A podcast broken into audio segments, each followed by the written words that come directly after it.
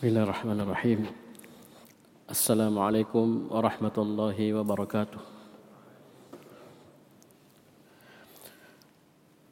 الحمد لله رب العالمين والصلاة والسلام على المبعوث رحمة للعالمين نبينا محمد وعلى آله وصحبه ومن تبعهم بإحسان إلى يوم الدين أما بعد.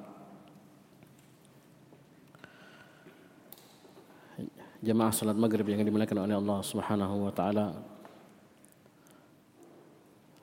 Kita sungguh bersyukur pada Allah Subhanahu wa taala yang di malam hari ini kembali kita dipertemukan pada salah satu dari rumah-rumah Allah Subhanahu wa taala dalam rangka talabul ilmi mempelajari Al-Quran dan Sunnah, mempelajari agama Allah Subhanahu wa Ta'ala. Yang mana hendaknya kita selalu mengikhlaskan niat dalam perkara ini. Karena talabul ilmi, belajar agama adalah ibadah yang sangat agung. Butuh bagi kita untuk mengikhlaskan niat, meluruskan niat. Betul-betul kita mengharap pahala di sisi Allah Subhanahu wa taala. Dan khusus untuk majelis ilmu seorang berkumpul bersama yang lainnya duduk di masjid belajar agama ini memiliki keutamaan yang khusus sebagaimana disebutkan oleh Nabi sallallahu alaihi wasallam dalam hadis riwayat Muslim dari sahabat Abu Hurairah radhiyallahu anhu Nabi sallallahu alaihi wasallam bersabda, "Wa majtama'a qaumun fi baitin min buyutillah yatluna kitaballahi wa yatadarasunahu bainahum illa nazalat alaihimus sakinah wa ghasyiyatuhumur rahmah wa hafathumul malaikah wa dzakarahumullahu fi man indah." Dan tidaklah suatu kaum berkumpul pada salah satu rumah dari rumah-rumah Allah Subhanahu wa taala mereka membaca Al-Quran dan saling mengajarkannya di antara mereka. Mereka duduk berkumpul bermajelis ilmu, pelajari Al-Quran dan Sunnah. Tidaklah satu kaum melakukan hal tersebut illa kecuali kata Nabi sallallahu alaihi wasallam nazalat alaihimus sakinah. Akan turun kepada mereka as-sakinah, ketenangan. Ini pertama. Ya seorang yang berkumpul di masjid bermajelis ilmu itu akan turun ketenangan kepada mereka. Dan ini kita rasakan sendiri. Setelah sibuk dengan hiruk pikuk dunia di siang harinya kita di malam hari antara maghrib dan isya kita duduk. Ya mungkin banyak masalah sebelumnya banyak pikiran banyak masalah. Tapi ketika kita duduk di majelis ilmu hal tersebut menjadi hilang tenang kita yang kedua, wa ghasyiyatuhum rahmah dan mereka akan diliputi oleh rahmat Allah Subhanahu wa taala. Dan antara rahmat Allah Subhanahu wa taala yaitu Allah Subhanahu wa taala memberikan dia taufik untuk bisa duduk belajar. Yang mana ini anugerah tidak diberikan oleh semua oleh Allah Subhanahu wa taala kepada semua orang. Hanya sebagian kecil yang melakukan hal tersebut. Ya, diliputi oleh rahmat Allah Subhanahu wa taala wa hafathumul malaika. Yang ketiga, para malaikat akan menaungi mereka. Mengapakkan sayap-sayapnya untuk, untuk menaungi para penuntut ilmu yang beri majelis ilmu. Tentunya ini kemuliaan yang sangat besar. Bagaimana tidak yang menaungi mereka adalah para malaikat makhluk Allah Subhanahu wa taala yang sangat mulia. Bersamaan dengan itu, bersama dengan kemuliaan tersebut, malaikat menaungi para penuntut ilmu, orang-orang yang bermajelis di masjid untuk mempelajari Al-Quran dan Sunnah. Dan yang terakhir, yang keempat, Nabi sallallahu alaihi wasallam mengkhabarkan wa dzakarahumullahu fi man indah dan Allah Subhanahu wa taala menyebut-nyebut nama mereka di sisinya.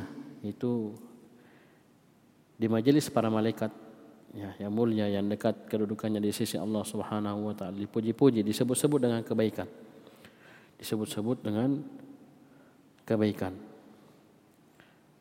Nah, ini berbeda jika kita melakukan sebuah amalan soleh kita melakukan sebuah amalan ibadah untuk dipuji oleh manusia ini haram tidak boleh kita ingin didengar, ingin dilihat supaya dipuji oleh orang ini malah haram, tidak boleh. Tapi dengan kita bermajelis ilmu, Allah Subhanahu wa taala menyebut-nyebut kita dengan kebaikan, memuji-muji kita, membangga-banggakan kita di hadapan para para malaikat. Majelis yang sangat mulia di hadapan para malaikat. Maka hendaknya kita semua bersemangat dalam perkara ini. Dan sekali lagi kita luruskan, ikhlaskan niat-niat kita dalam belajar agama. Dan di malam hari ini kita akan melanjutkan pelajaran kita membaca kitab Al-Kabair. Kitab yang berisi tentang pembahasan dosa-dosa besar. Dan kitab ini berisi sekitar 76 dosa besar. Dan angka ini bukan pembatasan bahwasanya hanya sejumlah itu dosa besar. Dan beliau menyebutkan ya, Al-Imam Al-Zahabi rahimahullah Abu Abdullah Muhammad bin Ahmad ibn Uthman Al-Zahabi rahimahullah itu merinci dosa-dosa besar tersebut beserta dengan dalilnya beserta dengan dengan dalilnya. Dan alhamdulillah kita sudah membaca enam ya enam dosa besar. Dan sekarang kita masuk di Al-Kabiratus Sabi'ah dosa besar yang ketujuh yaitu aklur riba.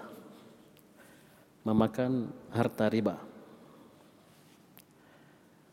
Ini dosa yang sangat besar yang akan nampak ketika kita membaca dalil-dalilnya dan selalu kita ingatkan bahwasanya di antara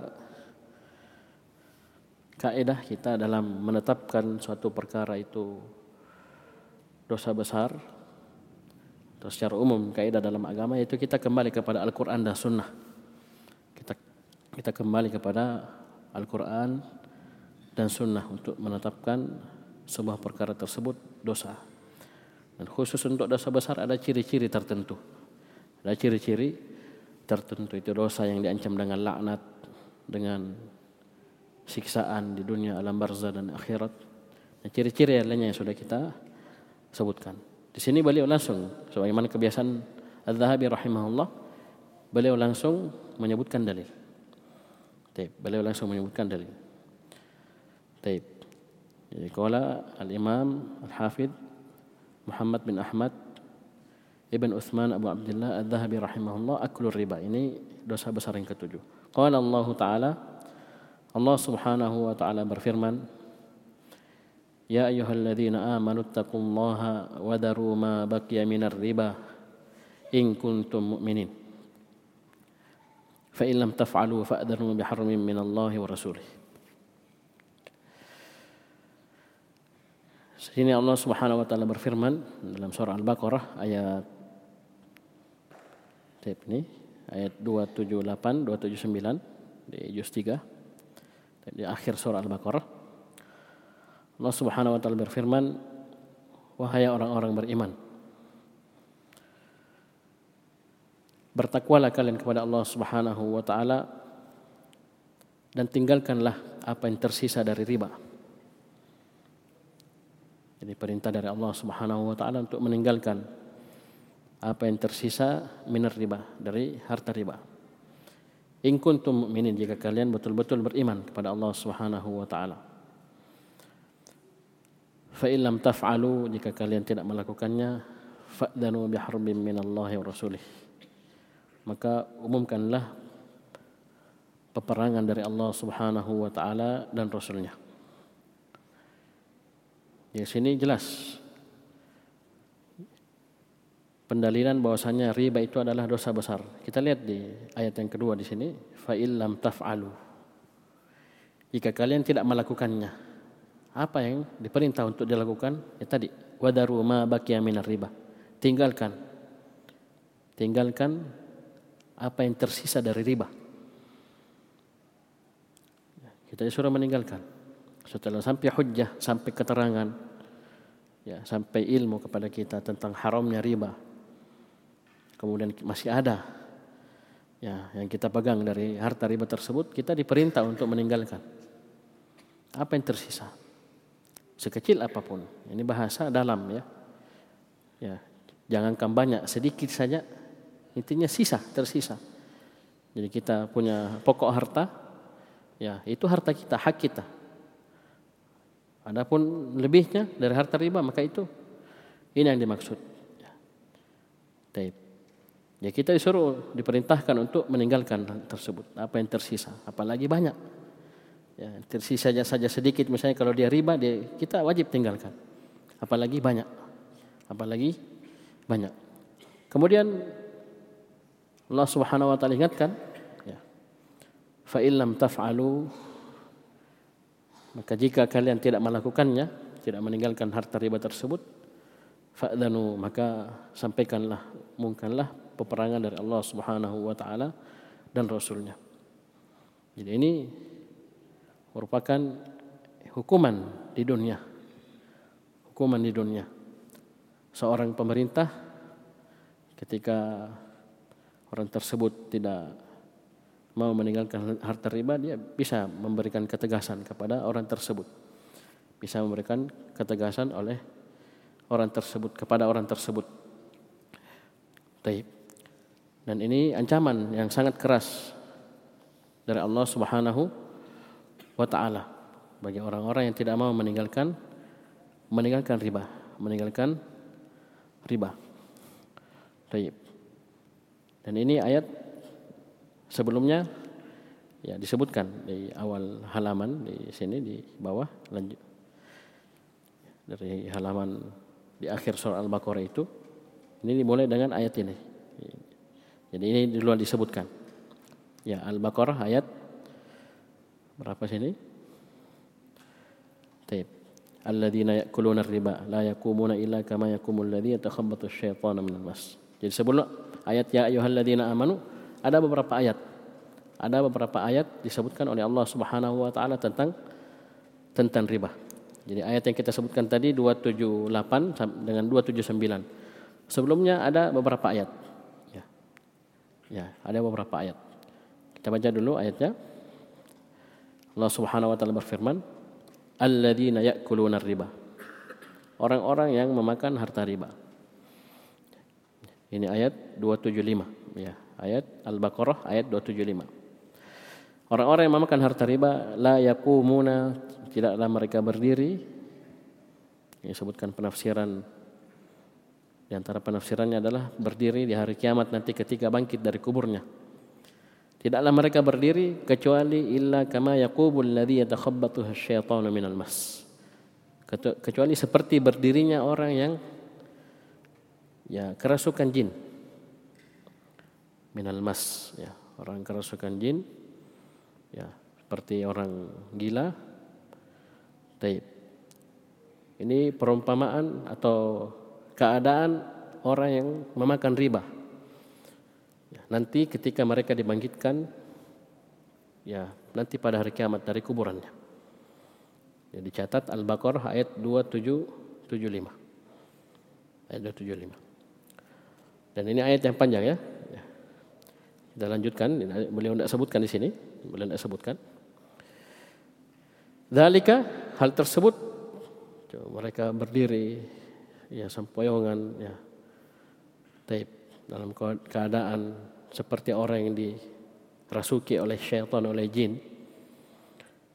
Yang demikian itu dalika bi annahum qalu innamal bai'u mithlur riba.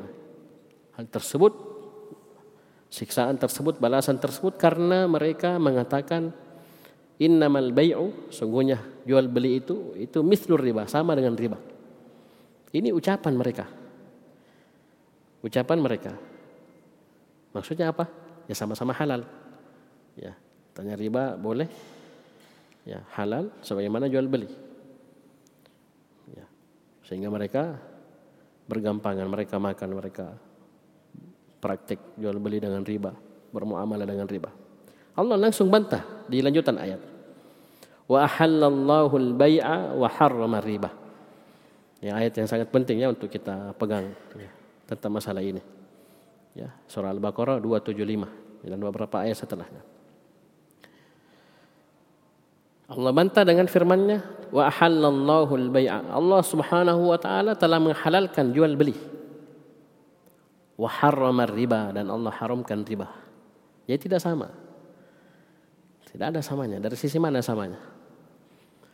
Ya. Jadi ini ayat tegas membantah sangkaan mereka, ucapan mereka bahwasanya innamal bai'u mithlur riba. Jual beli katanya sama dengan riba. Tidak. Wa ahallallahu al-bai'a wa harrama riba. Allah halalkan jual beli dan Allah haramkan riba. Kemudian Allah Subhanahu wa taala melanjutkan, "Faman ja'ahu mau'izatun min rabbih fantaha falahu ma salaf." Barang siapa yang datang kepadanya mau'izah nasihat dari Rabbnya dari ayat Al-Qur'an, dari hujjah penjelasan tentang hukum riba tersebut datang kepadanya. Fantaha kemudian dia berhenti. Ya dari riba tersebut dia tinggalkan dari sisa-sisa riba dari hartanya. Falahu ma salaf. Maka baginya apa yang sudah terdahulu? Dia mungkin sudah banyak. Ya dia tidak bisa lagi hitung-hitung riba yang sudah dia ambil yang sudah dia makan. Ya kalau dia bertobat falahu ma salaf. Maka baginya apa yang telah terdahulu? Allah ampuni Allah ampuni. Selama itu dia ya sudah tidak mampu lagi pisah ya.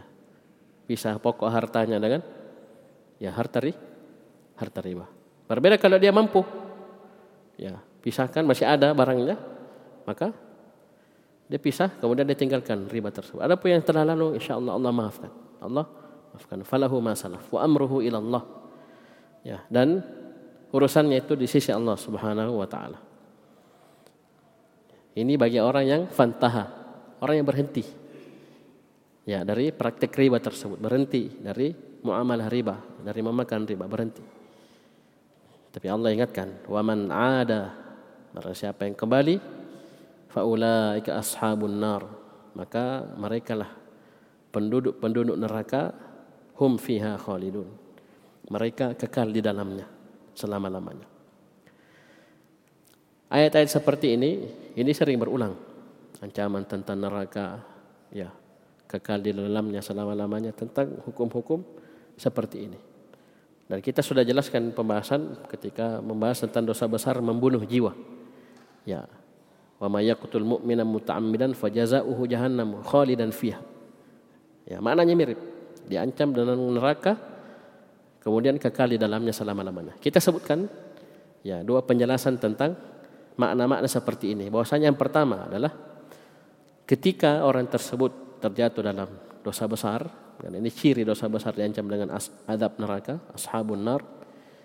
Ketika masih tersisa keimanan dalam hatinya, tauhid, ya masih muwahhid bertauhid, masih ada keimanan tersisa dalam hatinya, maka keyakinan kita kaum muslimin itu wajib meyakini bahwasanya dia akan keluar dari neraka dan masuk ke dalam sur surga di akhirnya. Tapi kenapa dikatakan kekal? Para ulama menyebutkan bahwasanya saking lamanya dia disiksa di neraka dikatakan dia kekal seakan-akan dia tidak keluar lagi. Ya. Karena kapan perkara ini kita tidak tetapkan berarti nanti kita sama dengan orang-orang khawarij yang mengkafirkan para pelaku dosa besar. Ini kayak keyakinan yang salah. Ya, mereka mengatakan pelaku dosa besar kafir. Ini di dunia. Kemudian di akhirat pelaku dosa besar kekal dalam neraka. Ya, kalau perkara yang pertama ini kita tidak tetapkan, makna yang pertama ini kita, kita tidak tetapkan, maka kita akan berpemahaman sama dengan pemahaman Khawarij. Jadi harus kita yakini bahwasanya ketika seorang masih memiliki keimanan dalam hatinya tahu, masih memiliki tauhid, ya, maka kita yakini bahwasanya selama apa pun dia di dalam neraka disiksa maka tetap dia akan keluar keluar dari neraka masuk ke dalam sur surga. Itu disebutkan dalam hadis-hadis yang sahih. Ya orang-orang yang disiksa dan sedemikian lamanya. Tapi masih ada keimanan di dalam hatinya masih. Dia masih mukmin walaupun keimanannya sangat sedikit sangat, sangat kecil. Itu ujung-ujungnya pasti masuk sur surga ini makna yang pertama jadi katakan khalidun atau khalidan fiha kekal itu sakil namanya seakan-akan dia tidak keluar makna yang kedua kita tetapkan sebagaimana zahir ayat bahwasanya dia kekal di dalam neraka selama-lamanya. Itu ketika ketika dia menghalalkan ri, riba. Ya, menghalalkan perkara yang Allah Subhanahu wa taala haramkan. Tegas dalam Al-Qur'an jelas ayatnya Allah haramkan, Allah larang, dia pergi halalkan, bolehkan. Ini bentuk kekufu kekufuran. Maka ketika kita bawa maknanya kepada makna yang kedua ini maka khalidun ya kekal ya kita sebagaimana pahami sebagaimana asalnya. Bahwasanya ketika dia kafir hilang habis keimanan dalam hatinya maka dia kekal di dalam neraka selama lamanya oleh karena itu hati-hati. Ya. Berbicara tentang hukum-hukum seperti hukum-hukum seperti ini. Ya karena sebagian bergampangan ya perkara yang wajib jelas wajibnya dia bilang tidak wajib atau sebaliknya seperti ini dosa ya, bahkan dosa besar ya dia bilang dia bilang boleh. Dia tolak ayat-ayat Allah Subhanahu wa taala. Dia mengingkari ya pengharaman hal tersebut. Ya. Baik, maka ini bentuk kekufuran kepada Allah Subhanahu wa taala. Dan kalau sudah maknanya kita arahkan ke sini bahwasanya dia menolak pengharaman tersebut, dia menghalalkan apa yang Allah haramkan atau sebaliknya mengharamkan apa yang Allah halalkan, maka dia dikatakan kekal dalam neraka selama-lamanya. Ya ini ancaman keras. Wa man ada barang siapa yang kembali pada riba tersebut, faulaika ashabun narihum fiha khalidun. Kemudian lanjutan ayat, yamhaqullahu riba wa yurbis sadaqat. Allah Subhanahu wa taala yamhaq menghancurkan ya riba. Ya. Ini bentuknya ada dua, ada hissi, ada maknawi. Hissi betul-betul dihancurkan hartanya Dijadikan perkara-perkara Allah jadikan perkara-perkara yang dengan perkara tersebut menjadi sebab habisnya hartanya, hancurnya hartanya, bahkan dirinya sendiri binasa. Ini riba hati-hati. Ini hissi, nah, dilihat dengan panca indera. Ya, dilihat habis hartanya, dikena musibah begini seterusnya. Kena penyakit, kena apa macam-macam. Ini riba. Itu hissi. Ada pemaknawi, nah ini hati-hati juga, mengerikan juga. Kelihatannya aman-aman saja. Ya hartanya aman, dia sehat, ya bisnisnya jalan terus, ribanya jalan terus. Ya seakan-akan masya Allah dia orang kaya raya. Ya tapi dia bermain dengan riba, dia bermuamalah dengan riba. Ketahuilah, yamhakullahu riba artinya apa? Allah hilangkan berkah pada harta tersebut. Fisiknya masih ada, kelihatan kaya, banyak uangnya seterusnya, tapi berkahnya hilang. Ya, berkahnya hilang. Dan ini hati-hati. Ya. ya. hilang berkahnya bisa mengarahkan kepada kejelekan demi kejelekan. Ya. Taib. Jadi ini yamhaqullahu riba. Wa yurbis sadaqat dan Allah Subhanahu wa taala menumbuhkan sedekah-sedekah. Ya, sama juga ini maknanya menumbuhkan menambah itu ada hissi, ada maknawi. Dengan sedekah, ya, ada bentuk tambahan yang hissi, yang bisa dilihat. Orang yang bersedekah, dia semakin lancar bisnisnya. Ya, bertambah uangnya. Dan seterusnya. Tapi ingat ya, tidak boleh kita niatkan sedekah untuk untuk itu, kayak itu dunia. Ya, jangan sampai saya mau sedekah deh. Ya, supaya tambah banyak uangku. Ya supaya lancar bisnisku. Itu tidak boleh. Tidak boleh kita meniatkan dunia mencari dunia dengan amalan akhi akhirat. Dan ini dibahas dalam buku-buku akidah. Ya tidak boleh kita seperti itu. Kalau kita beramal melakukan amalan soleh betapa rendahnya dunia ini. Ya dan itu haram tidak boleh ya malah sebaliknya itu kita ingatkan tadi luruskan niat perbaiki niat kita melakukan amalan soleh untuk meraih surga Allah Subhanahu wa taala, ridha Allah Subhanahu wa taala, bisa melihat memandang kepada wajah Allah Subhanahu wa taala yang merupakan nikmat tertinggi dalam surga. Itu yang jadi niat kita. Pahala di sisi Allah dan seterusnya. Ya, bukan dunia. Walaupun setelah kita bersedekah Allah kasih tambahan yang bisa dilihat.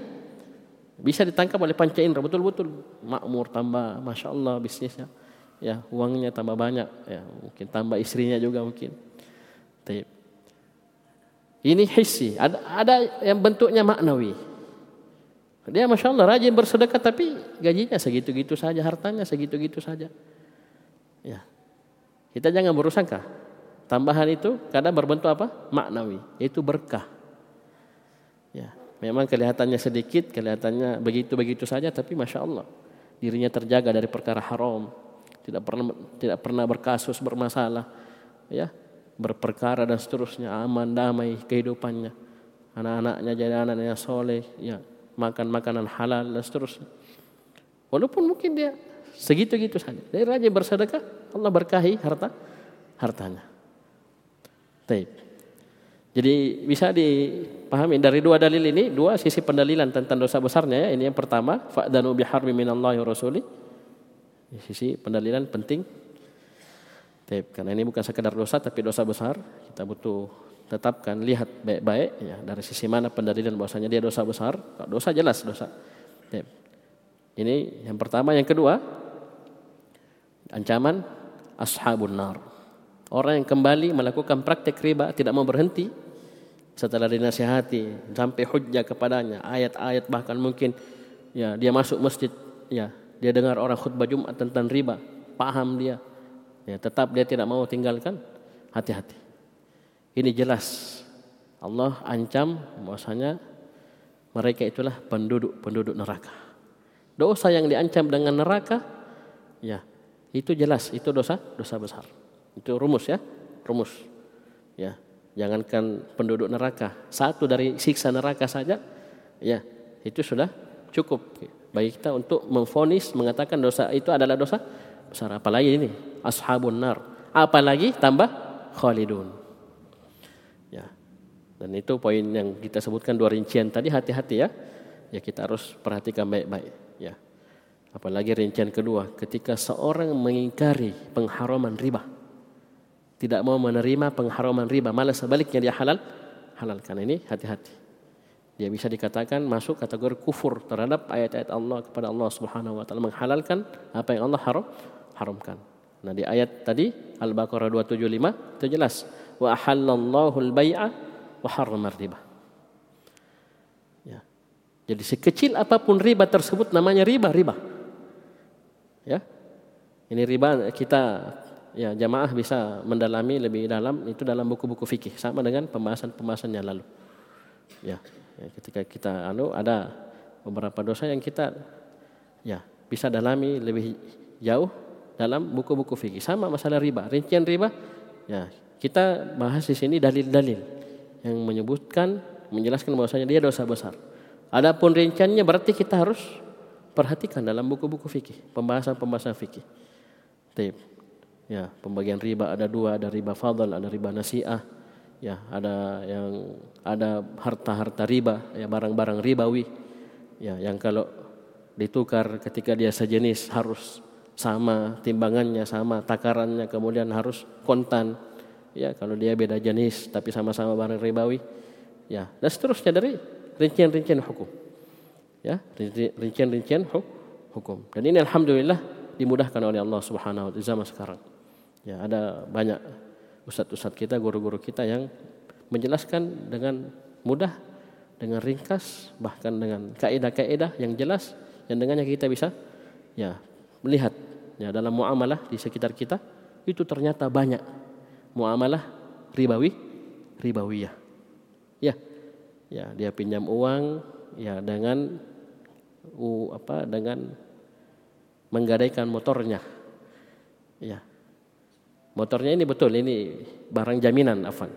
Ya, jaminan ya, gadai, digadai. Ya. Dia utang ya ambil uang misalnya 10 juta, jaminannya motornya digadaikan. Ya.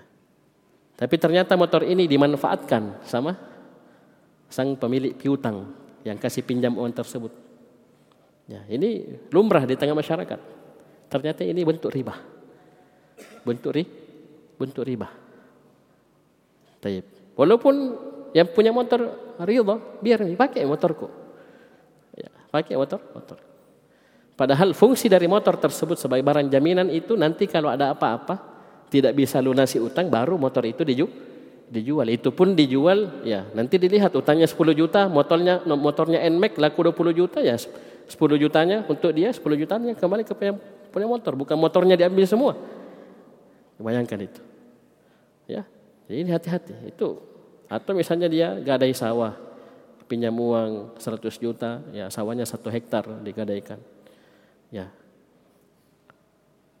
Hasil dari sawah tersebut diambil sama yang punya piutang, yang kasih pinjam. Oh ini tidak boleh, ini riba. Ini ri, riba. Walaupun kelihatannya biasa-biasa saja, wajar. Oh dia dikasih pinjam uang kok, tidak boleh. Taib. Jadi sekali lagi, kajian kita di kitab Al-Kabair ini ini membahas dalil-dalil yang menunjukkan bahwasanya dosa tersebut adalah dosa besar. Rinciannya tapi kita cari di pembahasan pembahasan fikih ya. Di kitabul buyu kitab tentang uh, transaksi jual beli itu insya Allah disebutkan. Di buku-buku fikih ya. Di buku-buku fikih. Baik, kita lanjut. Kemudian kata Adzahabi rahimahullah fahada wa'idun 'azimun bil khuludi finnar ini di ayat Al-Baqarah ayat 275 ini ayat yang kedua ini adalah wa'id, ancaman yang sangat besar. Apa bentuknya? Bil khuludi finnar. Ancamannya itu seorang yang tidak mau berhenti dari ribanya, sudah datang mau'idhah, datang nasihat, datang hujjah, datang burhan, datang ya dia sudah tahu hukum, dijelaskan hukum, dia paham, mengerti. Ya, dia tidak mau berhenti, tidak mau tinggalkan. Nah, ini diancam dengan faman ada faulaika ashabun nar hum fiha khalidun. Kama taro, sebagaimana yang kau lihat dalam ayat. Untuk siapa ini ancaman yang sangat besar ini? Liman ada ila riba. Untuk orang yang kembali kepada riba. Ba'dal mau'idhah setelah adanya nasihat. Sampainya ilmu kepada dirinya tentang haramnya riba, tidak bolehnya riba, dan seterusnya. Dia kembali, dia tidak mau berhenti. ini balasan Allah ancam faulaika ashabun nar fiha khalidun. Oleh karena itu sebenarnya kita masya Allah Allah Subhanahu wa taala betul-betul sangat mengasihi kita. Ayat sebelumnya disebutkan kan? Ya. Faman ja'ahu mau'izatum min rabbih fantaha. Orang yang berhenti dari ribanya Allah maafkan. Falahu ma salaf. Apa yang sudah lalu ya sudah. Ya. Diampuni oleh Allah Subhanahu wa taala. Sisa dia hitung kalau ada masih ada sisa, Nah, berlaku ayat yang pertama tadi. Ya, tinggalkan sisanya. Ya, tinggalkan sisanya. Jangan diambil. Ada pun yang lalu sudah. Yang lalu sudah. Dan baginya pokok hartanya. Dia jelas-jelas hartanya sebelum dia melakukan praktek riba misalnya sekian M ya sekian ratus juta ya sudah itu pokok hartanya. Ada pun sisanya dia hitung-hitung yang mampu dia hitung ya dia pisah. Ada pun yang telah lalu dia sudah pakai harta ribanya apa insya Allah Allah maafkan. Falahu ma salaf wa amruhu ilallah. Ini sudah Luar biasa sekali sebenarnya. Setelah datang nasihat tersebut kepada kita. Jadi sangat pantas ketika Allah Subhanahu wa taala menghukum dengan neraka bagi orang-orang yang kembali lagi. Sudah diampuni, sudah dijamin ya, ampunan oleh Allah Subhanahu wa taala. Ya, bagi orang-orang yang berhenti, dia tidak mau berhenti, dia kembali lagi dan kembali terus. Ya. Maka faulaika ashabun narihum fiha khalidun. Kata Adz-Dzahabi fala haula wala quwata illa billah. Tidak ada daya dan upaya kecuali hanya dengan pertolongan Allah Subhanahu wa taala. Ini dua ayat yang pertama ya, dua ayat yang pertama sama-sama di surah Al-Baqarah. Di surah surah Al-Baqarah, di akhir surah Al-Baqarah. Baik. Kemudian kata beliau rahimahullah kata Az-Zahabi wa qala Nabi sallallahu alaihi wasallam. Ini kebiasaan beliau setelah menyebutkan ayat kalau memang ada ayatnya dalam Al-Qur'an, yang menunjukkan bahwasanya ini dosa-dosa besar, beliau sebutkan. Setelah ayat hadis. Inilah kebiasaan para ulama salaf. Ya. Ya, kebiasaan para ulama salaf dalam membahas perkara agama berbicara tentang agama selalu dengan dalil Al-Qur'an, Sunnah, Al-Qur'an, Sunnah. Bahkan Ad-Dahabi tidak sedikit membawakan ucapan para sahabat, para ulama berkenaan tentang dosa besar tersebut. kita sudah lewati banyak. Baik. Waqala Nabi sallallahu alaihi wasallam Nabi sallallahu alaihi wasallam bersabda ini hadis Bukhari Muslim sudah lewat ya berkali-kali karena ini menyebutkan tujuh dosa besar memang. Nabi sallallahu alaihi wasallam bersabda ijtanibus sab'al mubiqat. Jauhilah tinggalkanlah tujuh perkara yang al-mubiqat yang bisa membinasakan. Ya, jadi kata-kata al-mubiqat ini ini sudah korina indikasi bahwasanya ini tujuh dosa dosa besar. Karena apa? Diancam dengan kebinasaan. Ya. Dosa ini bisa ya membinasakan seorang hamba dunia alam barzah akhir akhirat. Ini ciri dosa besar. Ciri dosa besar. Jadi jauhilah tujuh dosa yang bisa membinasakan. Tujuh perkara yang bisa membinasakan. Dan ini semuanya dosa besar. Qalu wa man hunna ya wa ma hunna ya Rasulullah? Ya, para sahabat dikasih ilmu seperti itu ya sudah. Tujuh apa itu tujuh? Orang-orang yang sangat bersemangat dalam ya mencari ilmu dalam kebaikan. Langsung bertanya, apa itu ya Rasulullah? Apa tujuh itu? Tujuh yang bisa membinasakan. Ya. Taib. Qala ya, Nabi SAW merinci yang pertama asyirku billah. Ya. Taib.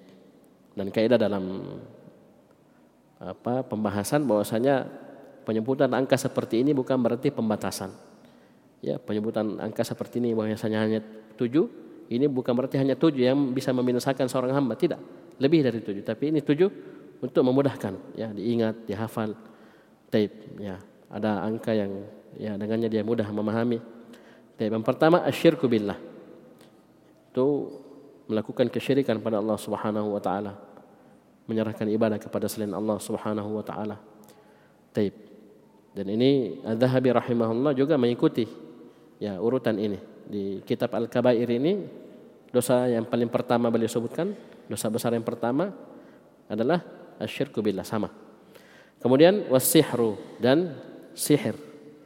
Ya sihir praktek sihir ini beliau sebutkan urutan ketiga di bukunya ya, Nabi SAW sebutkan urutan kedua ini sihir bukan sekedar dosa besar bahkan ya dosa yang bisa mengeluarkan seorang dari aga, agama.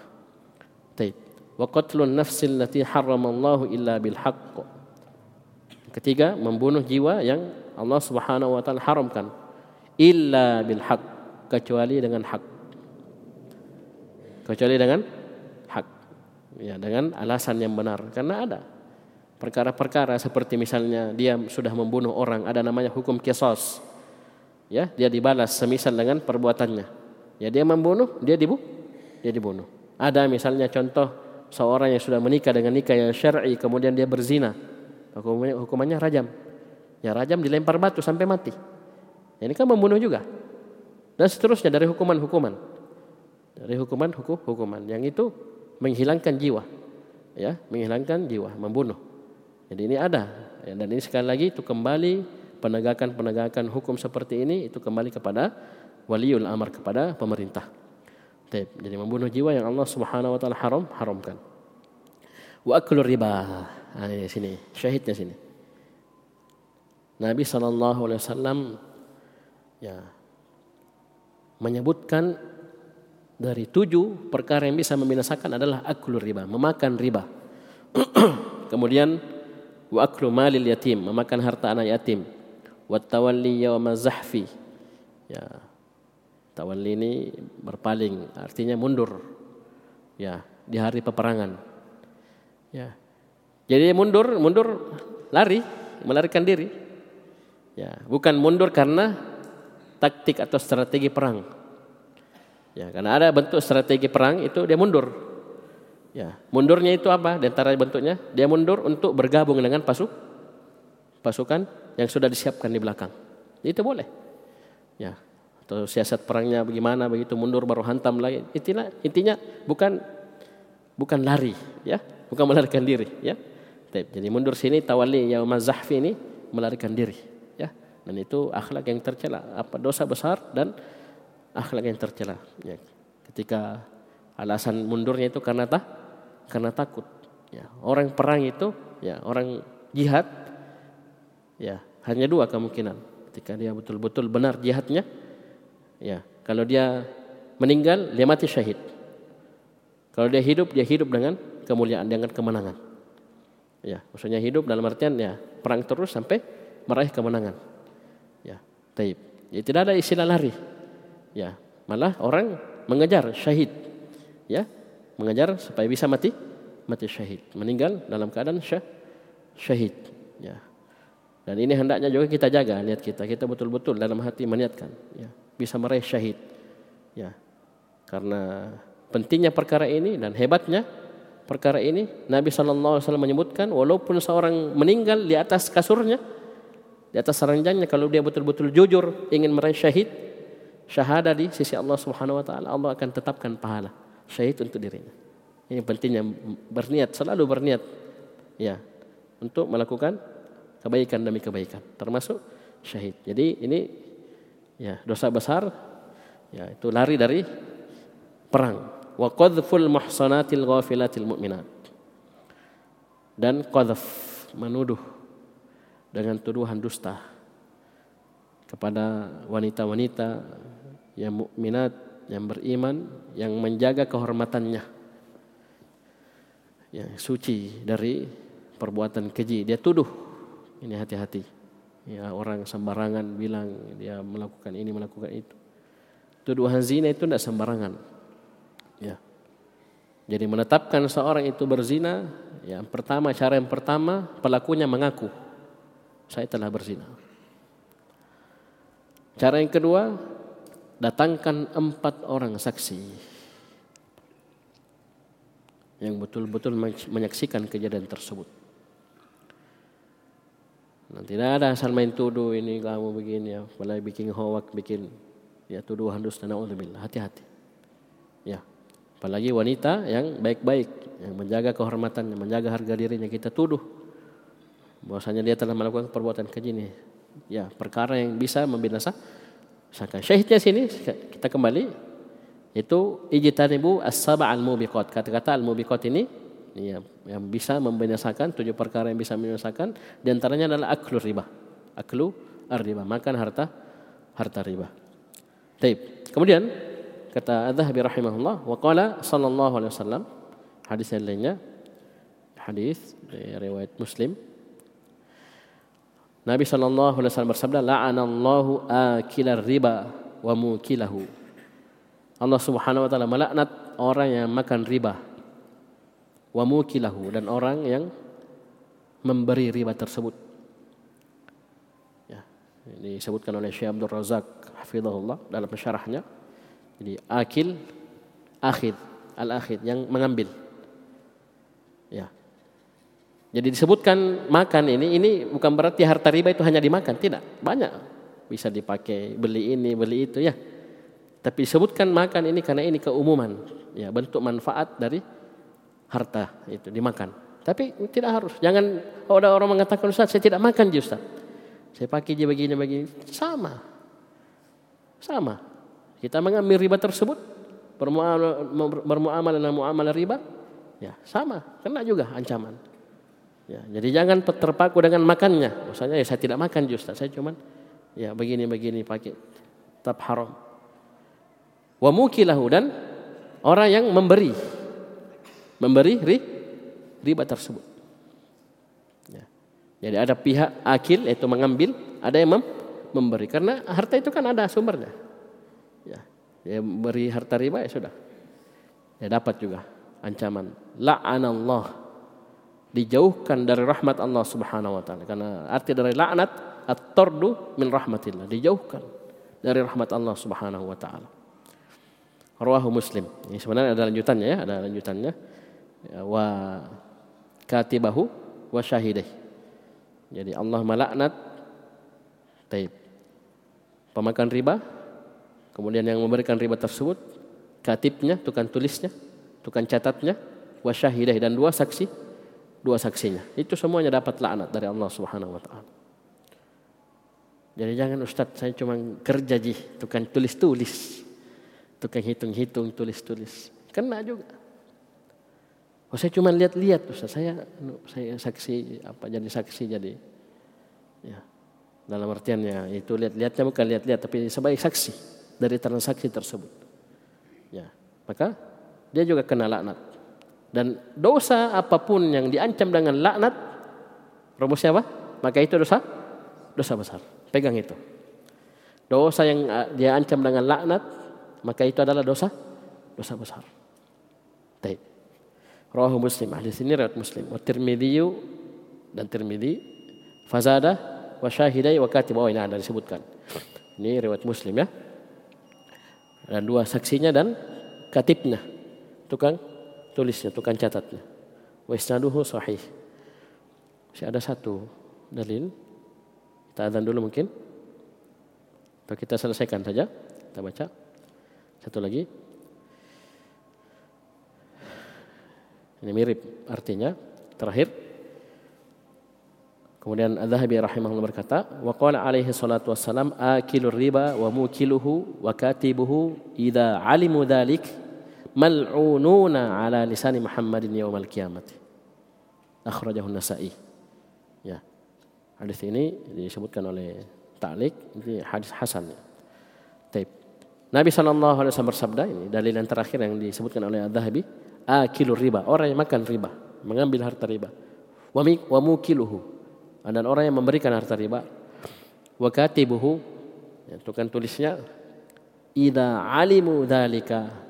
Jika mereka tahu akan hal tersebut, dia ngerti tentang pengharamannya, maksudnya ini perkara yang haram dilarang, ya, diancam dengan neraka kekal di dalamnya. Ya, tetap dia lakukan maka mereka mal'unun, dilaknat ala lisan Muhammadin melalui lisan Nabi Muhammad sallallahu alaihi wasallam yaumul qiyamah nanti pada hari hari kiamat. Hadis ini dikeluarkan oleh Al Imam An-Nasa'i rahimahullah. Jadi selesai ya, selesai. Tapi ingat jadi pembahasan ya penyebutan tentang dalil dari Al-Quran dan Sunnah yang menunjukkan bahwasanya makan riba adalah dosa besar selesai. Kita sebutkan ayat hadis. Tapi ingat seperti yang saya pesankan tadi, tolong setelah ini kita merojaah. Kita kita lihat ya pelajaran-pelajaran fikih ya. Buka pelajaran-pelajaran ustadz-ustadz kita, guru-guru kita yang membahas tentang riba beserta rinciannya karena ini ilmu dasar, sudah kita tahu riba, riba haram. Ya, riba haram, dosa besar, sangat besar dosanya. Lalu sekarang bagaimana kita bisa tinggalkan riba kalau kita tidak tahu ilmunya?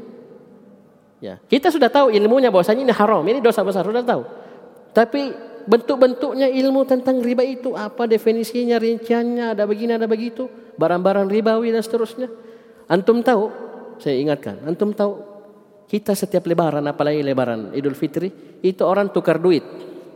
Tahu tukar duit, tukar uang. Antum tahu tukar duit itu kalau tidak sama jumlahnya itu riba.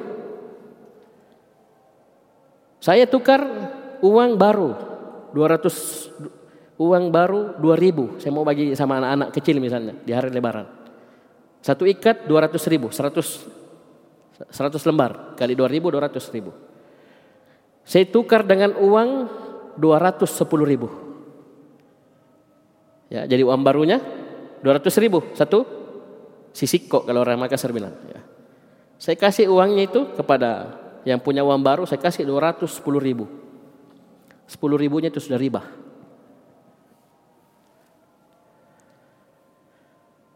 Jadi kalau kita tukar uang begitu, itu syaratnya dua.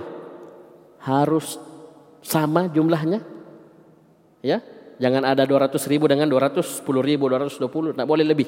Harus sama jumlahnya. Walaupun sana uang baru ini uang, uang jelek.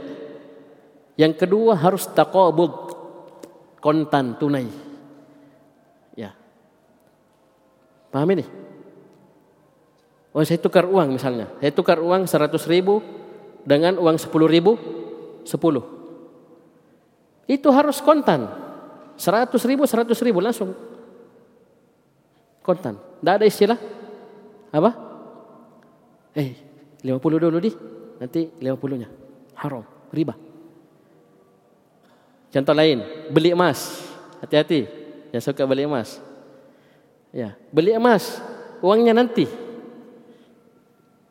kena riba. Ya, karena emas dengan uang ini sejenis satu ilah. Syaratnya memang tidak harus sama karena satu emas satu uang, tidak mungkin disamakan. Tapi syaratnya satu, harus kontan. Saling pegang, takobut. Kasih emasnya, uangnya diambil. Ya, nah ada istilahnya, oh, saya boleh, bagusnya cincinmu, sini, sini cincinmu, nanti saya kasih uangnya. Tidak boleh. Ini, ini gambaran saja ya, ini saya tidak mau uraikan di sini dan ya sangat jauh kapasitas saya dari merinci hukum-hukum fikih seperti itu. Tapi ini gambaran kecil. Bahwa ternyata praktek riba di sekitar kita itu bah banyak ya, banyak sekali. Tapi cukup dulu sekian. Ya semoga Allah Subhanahu wa taala memudahkan kita untuk bisa ya merujuk, ya memurojaah. Kita lihat kembali pembahasan tentang riba di buku-buku fikih, di pembahasan-pembahasan fikih ya beserta rinciannya, bentuk-bentuknya dan muamalah-muamalah yang mungkin banyak di sekitar kita yang ya berkaitan dengan tentang dosa riba ini. Karena ini sangat berbahaya bagi bagi kita ketika kita tidak mengetahui rinciannya. Taib sekian subhanakallahumma hamdik asyhadu an la ilaha illa anta astaghfiruka wa atubu ilaik. Wassalamualaikum warahmatullahi wabarakatuh.